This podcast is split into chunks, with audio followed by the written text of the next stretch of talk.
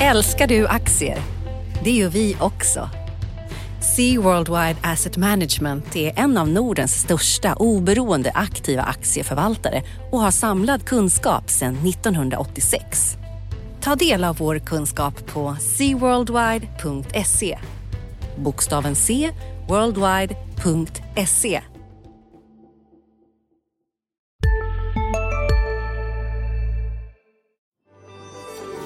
Vill du kunna handla dygnet runt med flexibel hävstång? Upptäck tradingmäklaren IGs turbovaranter, även kallade Turbo 24. Turbo 24 är ett marknadsnoterat värdepapper som handlas på en MTF. Med dessa kan du handla de mest populära indexen, råvarorna och valutorna. Och tack vare hävstången har du möjlighet att gå både lång och kort. Nu lanserar de även runt 70 aktier på turbovaranterna vilket tillåter dig att handla de populäraste bolagen runt om i världen. Bland annat Apple, Tesla, H&M och Evolution Gaming. Upptäck IGs tradingplattform och läs mer om de aktier de erbjuder på IG.com. Men kom ihåg att all handel med finansiella instrument är förenat med risk.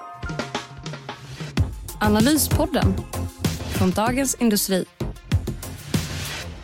Hej och välkommen till Analyspodden, Dagens Industris podd om börs och makro. Eh, jag heter Agneta Jönsson och med idag är kollegan Ulf Pettersson. God morgon Ulf! Hej hej Agneta! Idag är det ju fredag igen och det är fredag den 9 september. Eh, det är lite småtråkigt eh, på börsen och det ska vi prata om, vad som kommer att hända på Stockholmsbörsen framöver och vad som har hänt senaste tiden. Vi ska också prata om EQT som är aktuella i flera stora affärer. Vi har Nordea som har kommit in i ett intressant bankindex eh, och vi har en spännande nykomling på börsen som Ulf har tittat närmare på. Men vi kan väl börja med det där med börsen som helhet. Vi har yes. OMXS30 det är på 23,53 nu. Det är ner 1,5 procent i veckan Eh, och lite småtrist. Eh, hur ser du på marknaden Ulf? Nej, men som sagt var, eh, vi har haft då tio månader i rad med uppgång från oktober till, till augusti. Den längsta sviten sedan 80-talet faktiskt. Men nu i september så är vi ner lite grann. Vi är ner 1,5 procent den här veckan eftersom det egentligen är första veckan så är vi ner i stort sett 1,5 procent för september också. Och eh,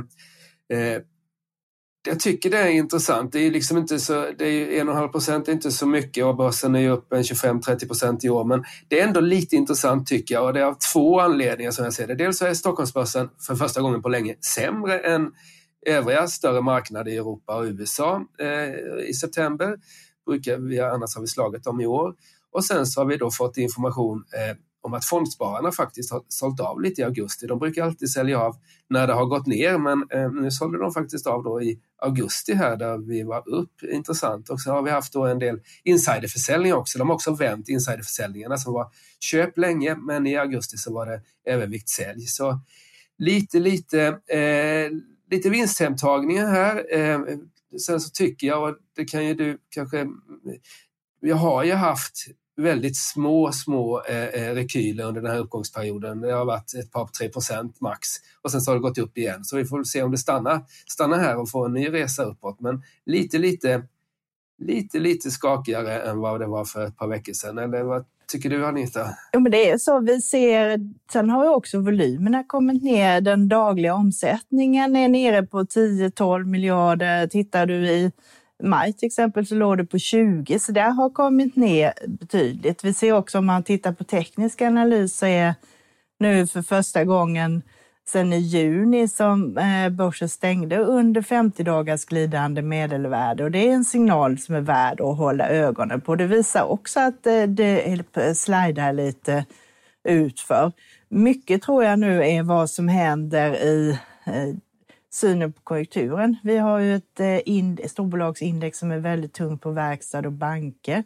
Där har vi haft stöd av bankerna och nu kommer mycket bero på vad som händer med verkstadsbolagen och där har vi den här oron med eh, komponentbrist som inte minst som man kunde läsa om i vår tidning idag här där eh, lastbilstillverkarna har det motigt både för att kunna tillverka nya bilar men även hitta komponenter till gamla. Och så är det ju i hela industrin, så det är väl ett litet orosmoment där också.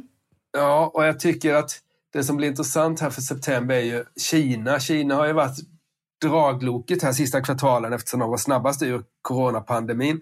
Men nu är ju eh, de här inköpschefsindexen under 50 i Kina. Vi har den här eh, härvan med deras, eh, deras stora Evergrande, deras stora eh, eh, fastighetsutvecklare och sådär. Så det jag skulle säga att Kina kanske inte är i samma goda form som den varit senaste kvartalen och Atlas Copco hade ju faktiskt i veckan en, en sån analysuppdatering eh, eh för en, för en trängre grupp här där de pratade just om att Kina, Kina var svaghetstecknet. Så det där är, och marknaden är ju fantastisk. Börsen är fantastisk på att på något omärkligt sätt ändå fånga upp det där. Och man brukar säga att börsen är 6 till 12 månader före vinstutvecklingen och det är möjligt att, att vi så att säga om två, tre kvartal kommer få se eh, lägre vinster faktiskt och då, då, då börjar marknaden redan nu svikta. Eh, konsensusprognosen är ju annars att 2022 kommer vara ett eh, vinstökningsår med 7-8 procent, 10 procent till och med. Men, men som sagt var, det är vad analytikerna tror. Placerarna verkar vara lite mer skeptiska just idag. Det brukar vara så eh, att eh, analytikerna kommer lite eh, på efterkälken. Man agerar mer på fakta än på att diskontera sånt som kommer hända framöver. Sen händer det ju en del. Det görs ju en hel del affärer också Eh, riskkapitalisten EQT har ju varit i fokus ordentligt denna veckan. De gjorde en stor affär där de gick in och köpte 10 procent utav Storytel. Det har ju du tittat lite närmare på den affären Ulf. Just det. Eh, det är en stor affär. Och det är ju inte bara dem, det är många. Alltså, eh, affärsvolymerna på företagsförvärv är ju på jättehög nivå, toppnivå här. Och det kan man ju då, nu pratar vi om att det är lite oroligt, borde inte den gå ner då? Jo, men eh, det som gör är väl kanske att säljarna nu är beredda att sälja på ett annat sätt och köparna finns kvar som gör att det blir väldigt mycket affärer. Och som sagt var, EQT köpte eh, eh 10 av, av eh, eh, eh Storytel här. Eh, Eh, vi vet inte riktigt priset de betalade. Det är, ju, det är en intressant information annars. När EQT köpte BRF så fick de köpa till 20% rabatt. Så det är klart att då, då, köper man ju. Men jag tror inte det var en sån rabatt på den här Storytel-affären. Men ja, jag tycker det är en bra affär. Storytel är ju ett i ett ja, uppstartsläge är de inte, men de är fortfarande i en tillväxtfas där man öppnar, öppnar nya marknader, nya geografiska marknader för sina ljudböcker. Eh, och även de så att säga, lite äldre marknaderna växer ju då, eh, Sverige bland annat.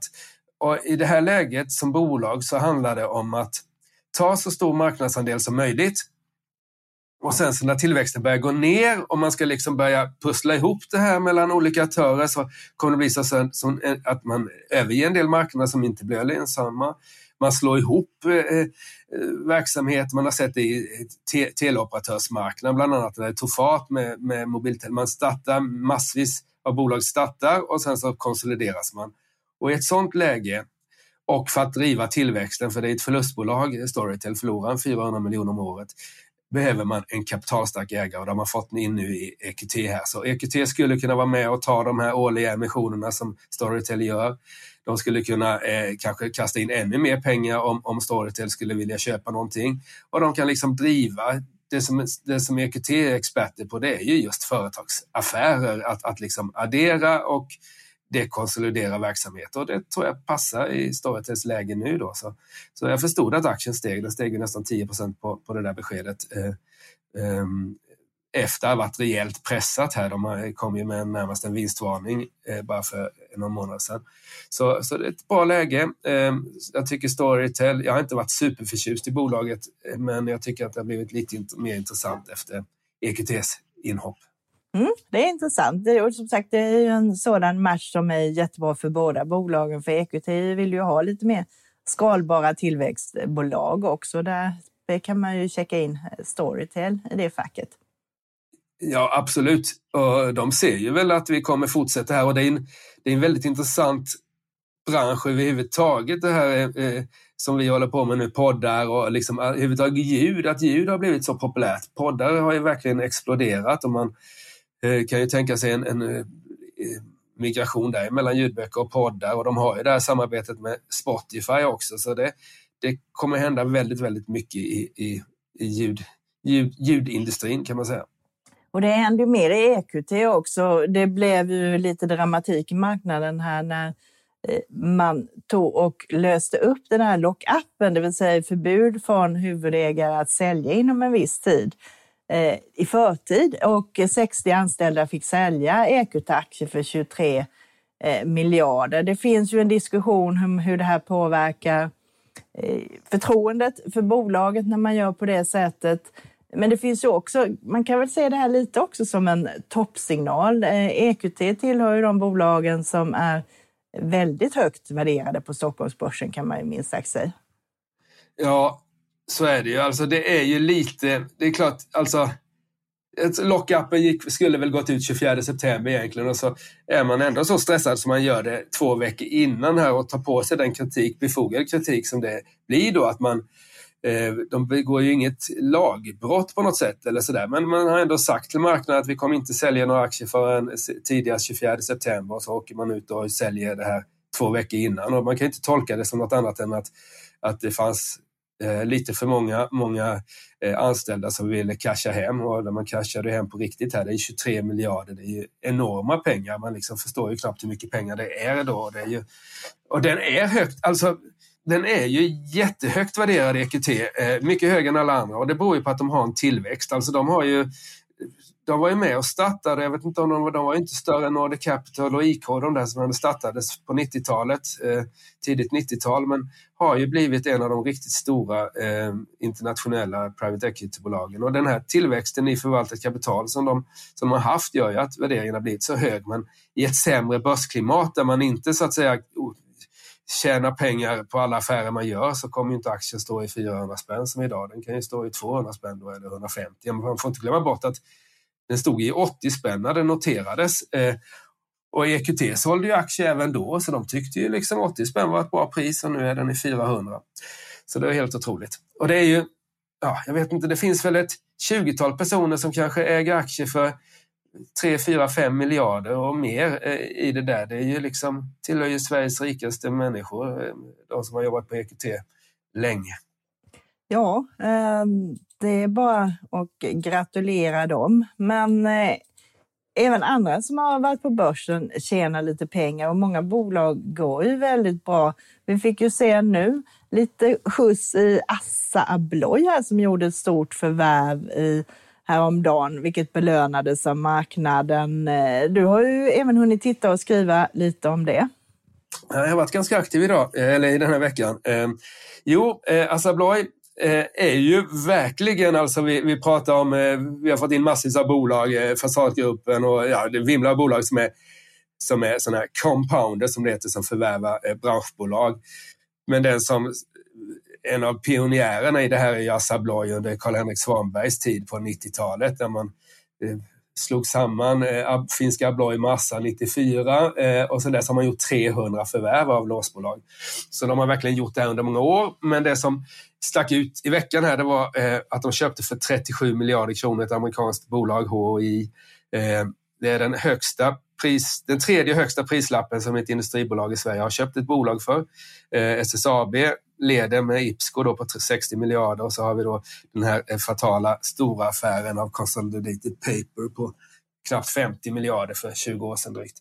Eh, vad ska man säga om det här då? Eh, eh, det finns, tror jag, bland, bland många företagsledare och styrelseledamöter senaste åren så har de sett alla dessa förvärvsmaskiner som bara springer förbi i börsvärde och köper allt de kan och, och, bolagen har varit för långsamma och nu är man lite stressade så nu ska man liksom växa. Eh, och att, eller Assa slår sig då på det här 37 miljarders förvärvet. Eh, eh, aktiemarknaden reagerade positivt på det och det beror ju på att de här 2,5 miljarderna eller vad det kan vara ungefär som eh, eh, det förvärvade bolaget tjänar, för det kan man låna mer än 37 miljarder så det gör att vinsten, vinsten per aktie stiger och det belönade aktiemarknaden. Men man ska komma ihåg då att det här bolaget de köper eh, säljer ju eh, lås till eh, konsumentmarknaden och vad det gäller husmarknaden så har den ju varit väldigt, väldigt uppåt senaste året efter pandemin här. Så det är liksom på en, skulle man kunna tänka sig, på en toppnivå man betalar den här det här priset då. Så ja, vi får se marknaden. Jag är väl, det ska bli intressant att följa huruvida de här förvärven kommer att addera värde på lång sikt. På kort sikt gjorde de det i alla fall för Assas, i Assas fall.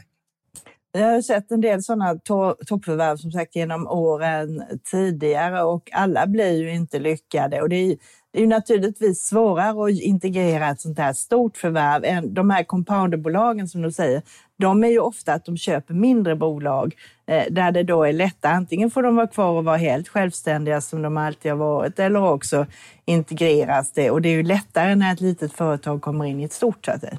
Ja, det är det. Sen så får man ju komma ihåg att Assa är ju enormt stort. Eh, det här bolaget hade en omsättning på eh, ska vi säga 15, 15 miljarder kanske och Assa omsatte ett par hundra. Så det, det, var inte liksom, det var inte en fusionsstorlek så att säga. Men det, likväl det är en rejäl pjäs och det är mycket pengar. Nu har ju då eh, eh helt plötsligt eh, Assa en skuldsättning på fyra gånger rörelsevinsten, 65 miljarder i, i nettoskuld. Så det, de gäller att de är kompisar med bankerna och finansmarknaden, kapitalmarknaden, kreditmarknaden. Ja, men någon som är det, det är ju våra banker. Jag har faktiskt också skrivit lite i veckan, även om det inte är på samma nivå som du har gjort Ulf. Men här händer ju faktiskt en del i min sektor också. Vi har ju fått besked här att Sampo sålde ju 2% ytterligare nu i Nordea och har krypit ner ägarandelen till strax över 10 procent. Det är ju i linje med vad de har sagt att de ska göra. Det har vi ju vetat i ett år nu att eh, de vill fokusera på sakförsäkring och då är den placeringen och ägandet i Nordea passar inte in i deras framtida strategi. Så att detta var ytterligare ett kliv nu. Eh, apropå lockup så har då Sampo sagt att de kommer inte sälja fler aktier före den Eh, 8 november i alla fall. Eh, det som är intressant med den här affären är att det var ändå mycket pengar, nästan 8 miljarder kronor och de behövde bara få en rabatt på 1,5 procent. Och nu har till och med Nordea-aktien utvecklats lite bättre idag. Den är bara ner en halv procent, så den här affären gick ju faktiskt nästan helt eh, obemärkt eh, förbi aktiekursen. Det är lite surt på börsen ändå idag, så att den märks ju knappt helt enkelt. Nej. Men varför säljer man eh, varför säljer man så här 2% För de satt väl på 12 i, i, så att säga, i förrgår och nu är de nere på 10 då. Vad, vad är det? Kommer de fortsätta peta ut de här 2 procenten och varför, ville de inte, varför sålde de inte allt? Det kanske hade varit en för stor pjäs eller finns det liksom en, en, en anledning att man vill behålla 10% som är en Kone-position så att säga och den har då ett, makt, ett maktvärde också eller vad är, Vet du varför de håller på på detta viset, eh, finnarna? Man kan ju resonera lite olika. De andra posterna de har sålt tidigare har ju varit större. De har ju kommit ner från 20 procent ungefär eh, och halverat detta nu under den här perioden. Eh, en anledning är ju att man vill ju inte störa marknaden för mycket för Nordea, eller Sampo, är ju fortfarande största ägare och man måste ju ta hänsyn till de andra aktieägarna också. Skulle man dunka ut alltihopa med en alltför stor rabatt, då stör man ju marknaden också. Så jag tror detta är ett sätt att liksom ansvarsfullt kliva ut. Sen kan man också resonera ett annat scenario som kan vara troligt. Det är ju att Nordea är ju mycket högt kapitaliserade nu, det vill säga har en massa pengar över och man har ju också mandat att göra återköp på aktier som man fick vid vårens bolagsstämma. Så nu när ECB tar bort de här restriktionerna för utdelningar och återköp 1 oktober så kan ju Nordea välja antingen att göra en extra utdelning till aktieägarna eller också kan man göra återköp. Och en variant är ju att man kan kanske möjligtvis göra ett riktat återköp eh, där man då köper tillbaka Eh, Sampos aktier och det har man ju faktiskt pengar att kunna köpa tillbaka de här 10 procenten som fick.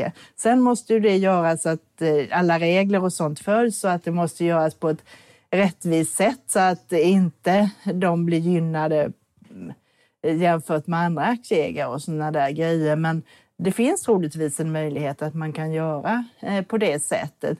Och då köper man ju Sampos aktier och sen så tar man ju helt enkelt bort dem och då får ju övriga aktieägare dela på eh, vinsten och det blir, ju ungefär, det blir ju på samma sätt som om man hade gjort en extra utdelning samtidigt som man då inte får någon man minskar antalet aktier, så det är ju motsatsen till utspädning egentligen och eh, kvar blir Sista dagarna nu på vårens stora season sale. Passa på att göra sommarfint hemma, både inne och ute. Och fynda till fantastiska priser. Måndagen den 6 maj avslutar vi med Kvällsöppet i 21. Välkommen till Mio. Nu släpper vi en ny podd. Expressen Dock. Einar han, går in i fel gård, förstår du? Och sen där, en annan skytt jag tror kommer emot honom och, och fortsätter skjuta. Lyssna på premiäravsnittet. Mordet på Einar, det sista vittnet. Med mig, krimreporter Nina Svanberg. Hon började skrika på mig. Backa hon började säga. Så vad, vad hände? Så hon bara, han är död. Så jag bara, vad säger du för något? Så hon började skrika, han är död. Så jag sköt han nu 21 meter. Lyssna i appen eller där poddar finns.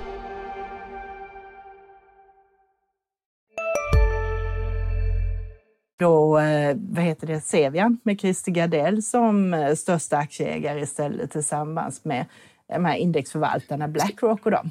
Det, det där är en ganska intressant eh, eh idé du, du pratar om här Agneta, eh, hur man ska göra det. Alltså jag tycker att i, i, i denna värld med lågvärderade banker, eh, åtminstone i förhållande till övriga börsen, och eh, att, att ett återköp skulle vara vinst på aktie eh, positivt, så tycker jag det är mycket bättre än att göra en utdelning här som vi snart glömmer bort, utan då kommer man så att säga varaktigt höja höja, höja aktiekursen med färre antal aktier. Och sen så får vi väl se, jag tror att det finns folk som kanske kan det lite bättre än mig då, men jag tror inte det är bara att, att, att liksom de kommer överens om att eh, flytta aktierna mellan Sampo och Nordea här, utan det måste nog eh, så att säga paketeras på något, på något mer sätt, kanske genom en eh, kanske ett inlösenprogram eller, eller något sånt där som erbjuds till, till en större antal eh, aktiegrupp. Eh, möjligt att man skulle kunna göra en riktad ja, det, det, vi får se hur de löser, men det går nog att komma runt. I värsta fall, annars får man väl liksom paketera eh, Sampo-aktierna i ett speciellt bolag och göra en INAX där Scania köpte upp Volvos eh, Scania-aktier då, eh, för en massa år sedan. Men eh, det är en intressant och jag tror, och det är väl det som händer nu i bankbranschen här, att istället för att vara Stockholmsbörsens högutdelare så kan man bli Stockholmsbörsens största aktieåterköpare istället. Eller är det inte är det inte den riktningen vi ser? Ja, och det är som du säger, och särskilt när man är i den positionen som de är, att man har positivt eh, vinstmomentum eh, som man har nu, så är ju det en vettigare åtgärd. Plus att man då utav eh, myndighetsskäl har blivit överkapitaliserade nu under finanskrisen, så absolut. Och vi har ju, SEB har ju för övrigt kommunicerat det redan i våras att när man har överskotts kapital utöver myndighetskravet så kommer man i första hand använda sig av återköp. Så att jag tror det blir eh, det är, det är en grej som är bra för alla. Ja. Och en annan och... grej som är bra med Nordea också, det var ju att de kom in i det här Eurostox bankindex med, som idag då består av 21 eh, stora europeiska banker. Och när det, Nordea kommer in så blir de den fem, femte största Eh, med ett eh, börsvärde då på ungefär 41 miljarder euro. Störst där har du franska BNP Paribas på 68 miljarder och sen har du ända ner liksom till lite småbanker. Men det som är spännande med Nordea där, det är hur det har varit lite gnäll att Nordea har haft så svag avkastning på eget kapital. Vi har sett eh, i DI har bland annat Christer Gardell uttalat sig att han tycker det här målet med en avkastning på eget kapital om minst 10 procent är lite lågt satt. De andra svenskarna ligger på eh, runt 14 och har mål på 15 och sådär. Men tittar du på de här europeiska storbankerna, jag menar då är Nordea bäst i klassen. Eh, tittar vi på årets prognos så ligger Nordea på 10,3 procent. Eh, I det här indexet är det enbart KBC som är en nederländskt bolag som jobbar mycket med försäkringar. Du har en liten italienare som heter Fineco Bank som är Italiens Avanza typ och en liten tysk bankgrupp som heter Barwag som är högre. Och alla storbanker är då har du mycket kämpiga och de skulle vara jätteglada förmodligen om de kommer upp till 10. Eh, och det gör ju också att Nordea är lite högre värderad. De handlas nu med en premie på 20 procent på eget kapital.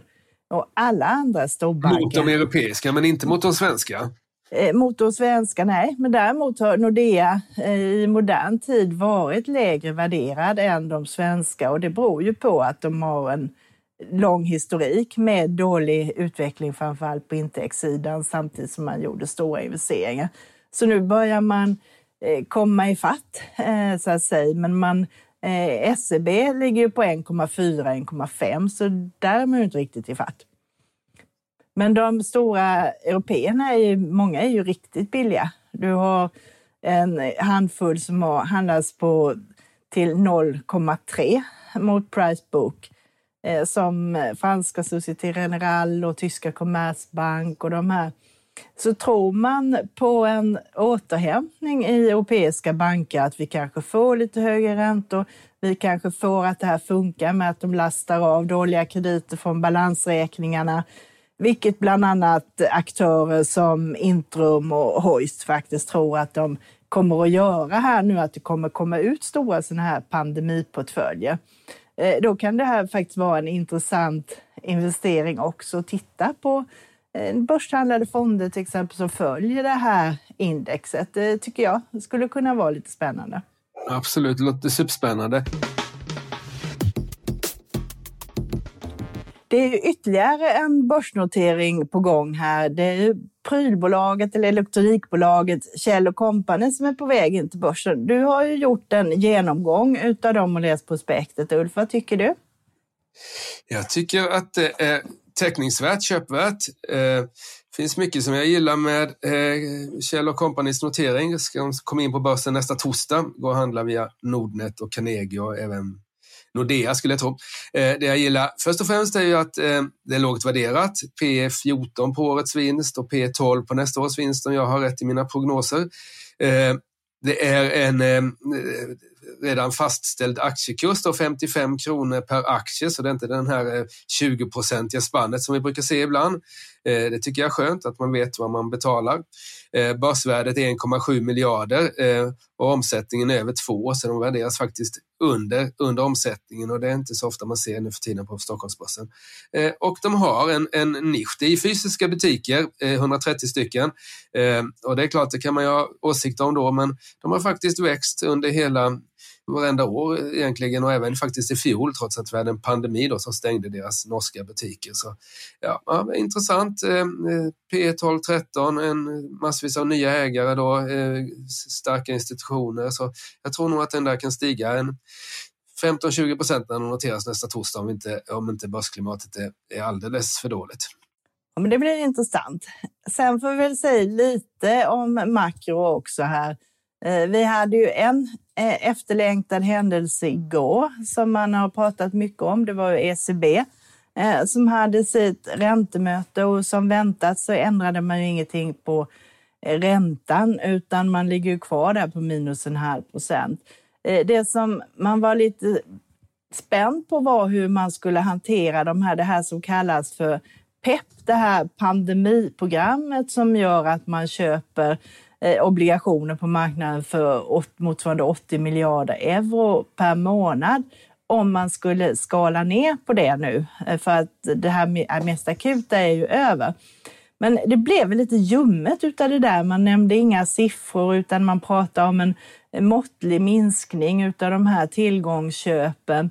Eh, och det är inte så att de kommer att skala ner det här i någon större skala, utan de kommer att fortsätta med det.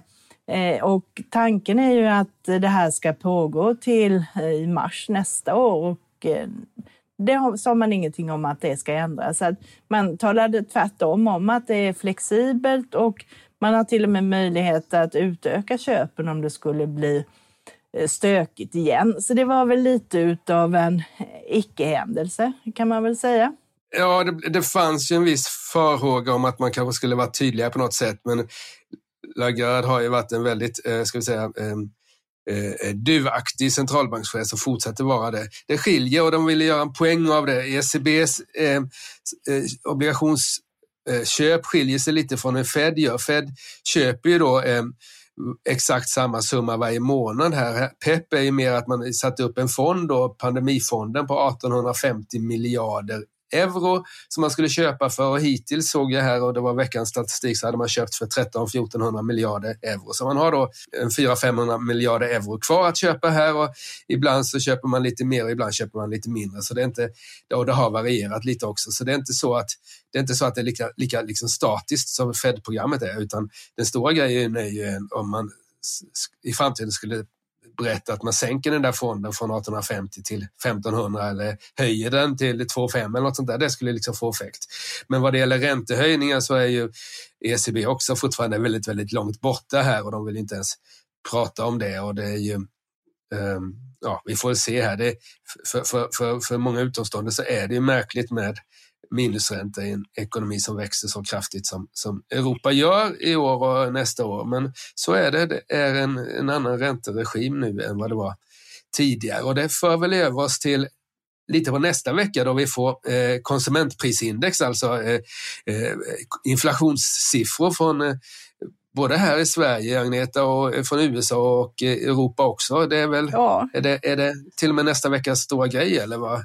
Vad tror du? Det är nog eh, lite av den stora grejen där och eh, nu har man ju hela tiden betonar man ju att den här högre inflationen, man ser att det är mer utav eh, tillfällig art. Eh, ja, det är drivet då utav leverantörsstörningar och eh, sådana här saker. Och det börjar man ju även prata här nu om på svenskt håll att det kanske blir eh, problem med julhandeln, att priser på traditionella grejer, leksaker och sådana man brukar köpa för, som presenter kommer gå upp det just därför att fraktkostnaderna blir eh, så pass mycket högre. Så att eh, inflationen är nog någonting man behöver fundera på. Eh, och sen kan man ju också se att det skiljer ju lite från, man håller ju nere långa räntorna på konstlad väg, men man ser också att räntorna reagerar på händelser som sker. Vi har ju sett den amerikanska tioåriga obligationsräntan som är liksom en liten eh, världslikare för vad som händer på räntemarknaden. Och den har ju varit ganska volatil. Den var uppe i 1,40 i våras, sen var den nere under 1,20 här under sensommaren och nu är vi tillbaka igen upp över 1,30. Och på den amerikanska sidan kommer det också att påverkas av vad som händer nu närmaste veckorna. Kommer du ihåg för några år sedan så var det himla stökigt en sommar, jag tror det var 2013 eller 2014 eller något, när eh, man tog och slog i det så kallade skuldtaket, vilket gjorde då att eh, amerikanska staten inte kunde betala ut löner på eh, sina departement och man kunde inte betala ut eh, sociala ersättningar med statliga pengar och sådana här grejer. Och nu är det dags igen. Här finansministern Janet Yellen varnar nu för att om inte då kongressen höjer det här skuldtaget så tar pengarna slut igen i oktober. Och det brukar fixa till sig, men det kan vara lite stökigt på eh, räntesidan om det här drar ut på tiden.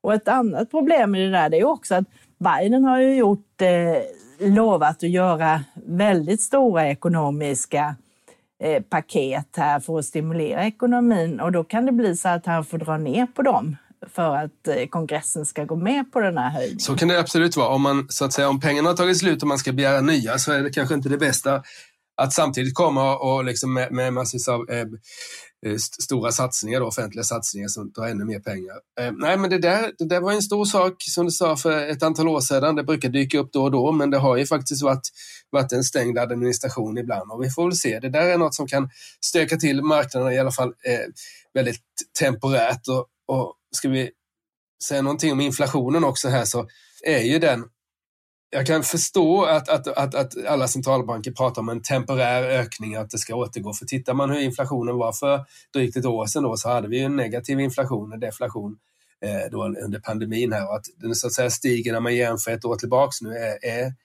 är naturligt. Men det finns också, och det är väl det som är liksom far, farhågan för Sverige här. Jag såg att Hyresgästföreningen vill ha 3,5 procent i hyreshöjning för 2022 och det där är ju inflationsdrivande. Och en anledning till att vi har fått ner inflationen till de här under 2 procenten eh, är ju, det finns ett antal faktorer. Det är globaliseringen som är viktig, digitaliseringen är viktig och låga löneökningar är viktigt.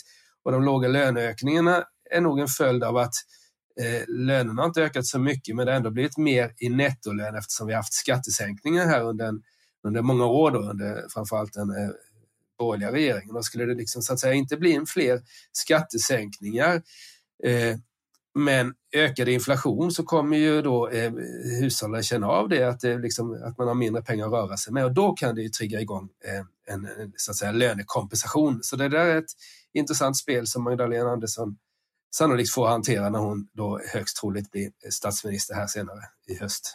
Ja, och jag skulle vilja komplettera med det. Du har ju också, som sagt, globaliseringen har ju varit en väldigt bidragande faktor till det här. Och den ser man att det börjar ju ruckas lite på det här. Pandemin har ju också gjort att eh, man kanske funderar på om det är så lyckat att ha eh, tillverk tillverkning i andra eh, delar av världen när det är så svårt att få eh, tillbaka sina prylar och kunna frakta komponenter och sånt där. Så det har nog i alla fall börjat rucka lite på bolagens syn på det där att lägga produktion allt för avlägset.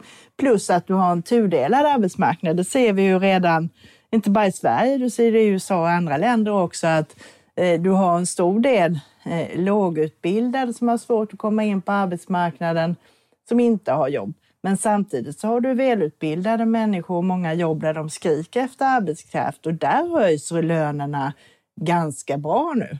Det är många så, där det saknas arbetskraft. Precis, där har vi den här löneglidningen då som går utöver avtalen. Nej, men det är intressant ehm, och det är klart att det kommer ju hända någonting. Nu är väl det sannolikt en, en, ändå en liten temporär effekt, de här frakt, exploderande fraktkostnaderna, men man kan ju tänka vad det gör på räkpriserna alltså när vi har liksom fisket räkor här i Nordsjön och åker ner, kör ner dem till eh, Thailand och, och skalar dem och sen tillbaks hit. Det är klart att, att det gick väl när fraktpriserna var låga, men eh, det måste ju vara betydligt dyrare idag. Och sen kan du precis sen kan du lägga till klimataspekten på det där att det är ju knappast bra för miljön om du ska köra runt med räkorna ett par varv runt jorden innan du ska käka dem. Nej, så är det. Men du, eh, det var KPI som vi då på förhand utnämner, eh, men det brukar alltid dyka upp något annat intressant sådär från, från sidan. Men KPI är mest intressant på makroområdet och hemma på Stockholmsbörsen är det H&M's försäljningssiffror som är, är lite grejen, eller vad, vad tror du? Ja, där kommer försäljningssiffrorna för tredje kvartalet och det blir intressant att se. H&M har ju haft det lite motigt på börsen nu så det är säkert både marknaden och analytikerna håller noga koll på vad som sägs där. Det är det. Ett annat bolag som jag tycker är spännande det är danska smyckesbolaget Pandora eh, som jag tittade på för nästan ett år sedan och tyckte var köpvärda och den har gått jättebra, nu upp 60 procent. Men den har tappat en hundralapp från toppen i somras. De har kapitalmarknadsdag på tisdag och det blir intressant också att höra om de kommer med någon eh, strategiuppdatering. Jag vill väl gärna se att de fortsätter växa sin e-handel eh, som jag tycker finns potential. Och eh, att det faktiskt det här håller i sig eh, efter pandemin också. Precis, så vi har väntat oss en, en spännande vecka. Ännu en spännande vecka efter en, får man väl säga, eh, kanske inte världens mest händelserika vecka, men ändå tillhörde liksom, det var, det var mer än, än vanligt tycker jag med EQT Storaffär, och Assa Abloy och, och, och Nordea och alltihop. Eh, så eh, spännande tider på börsen. Just nu lite svagare till september, även om vi ser ut att har gått upp lite grann under tiden vi har pratat här på förmiddagen. Men vi får väl, eh, innan vi tackar alla våra lyssnare en eh, hälsa en god helg och så där, så kan man ju lyssna på våra övriga poddar som har börjat köra igång här efter sommaren igen. Är det inte så? Visst är det det. Vi har Makrorådet som har en specialinspelning här live i onsdags som ligger ute och sen har vi Digitalpodden som alltid. Och sen har vi vår privatekonomiska podd Smarta pengar och den dagliga podden Morgonkoll där man får höra det viktigaste som har hänt sedan börsen stängde. Precis. Och då återstår det bara för eh, dig och mig Agneta att tacka och återkom gärna igen nästa fredag då det är ett nytt avsnitt av Dagens Industris analyspodd. Tack, tack. Tack. Trevlig helg. Hej då. Hej. Vill du kunna handla dygnet runt med flexibel hävstång? Upptäck tradingmäklaren IGs turbovaranter, även kallade Turbo 24. Turbo 24 är ett marknadsnoterat värdepapper som handlas på en MTF. Med dessa kan du handla de mest populära indexen, råvarorna och valutorna. Och tack vare hävstången har du möjlighet att gå både lång och kort. Nu lanserar de även runt 70 aktier på turbovaranterna vilket tillåter dig att handla de populäraste bolagen runt om i världen. Bland annat Apple, Tesla H&M och Evolution Gaming. Upptäck IGs tradingplattform och läs mer om de aktier de erbjuder på IG.com. Men kom ihåg att all handel med finansiella instrument är förenat med risk. Analyspodden från Dagens Industri. Programmet redigerades av Umami Produktion. Ansvarig utgivare Peter Fellman.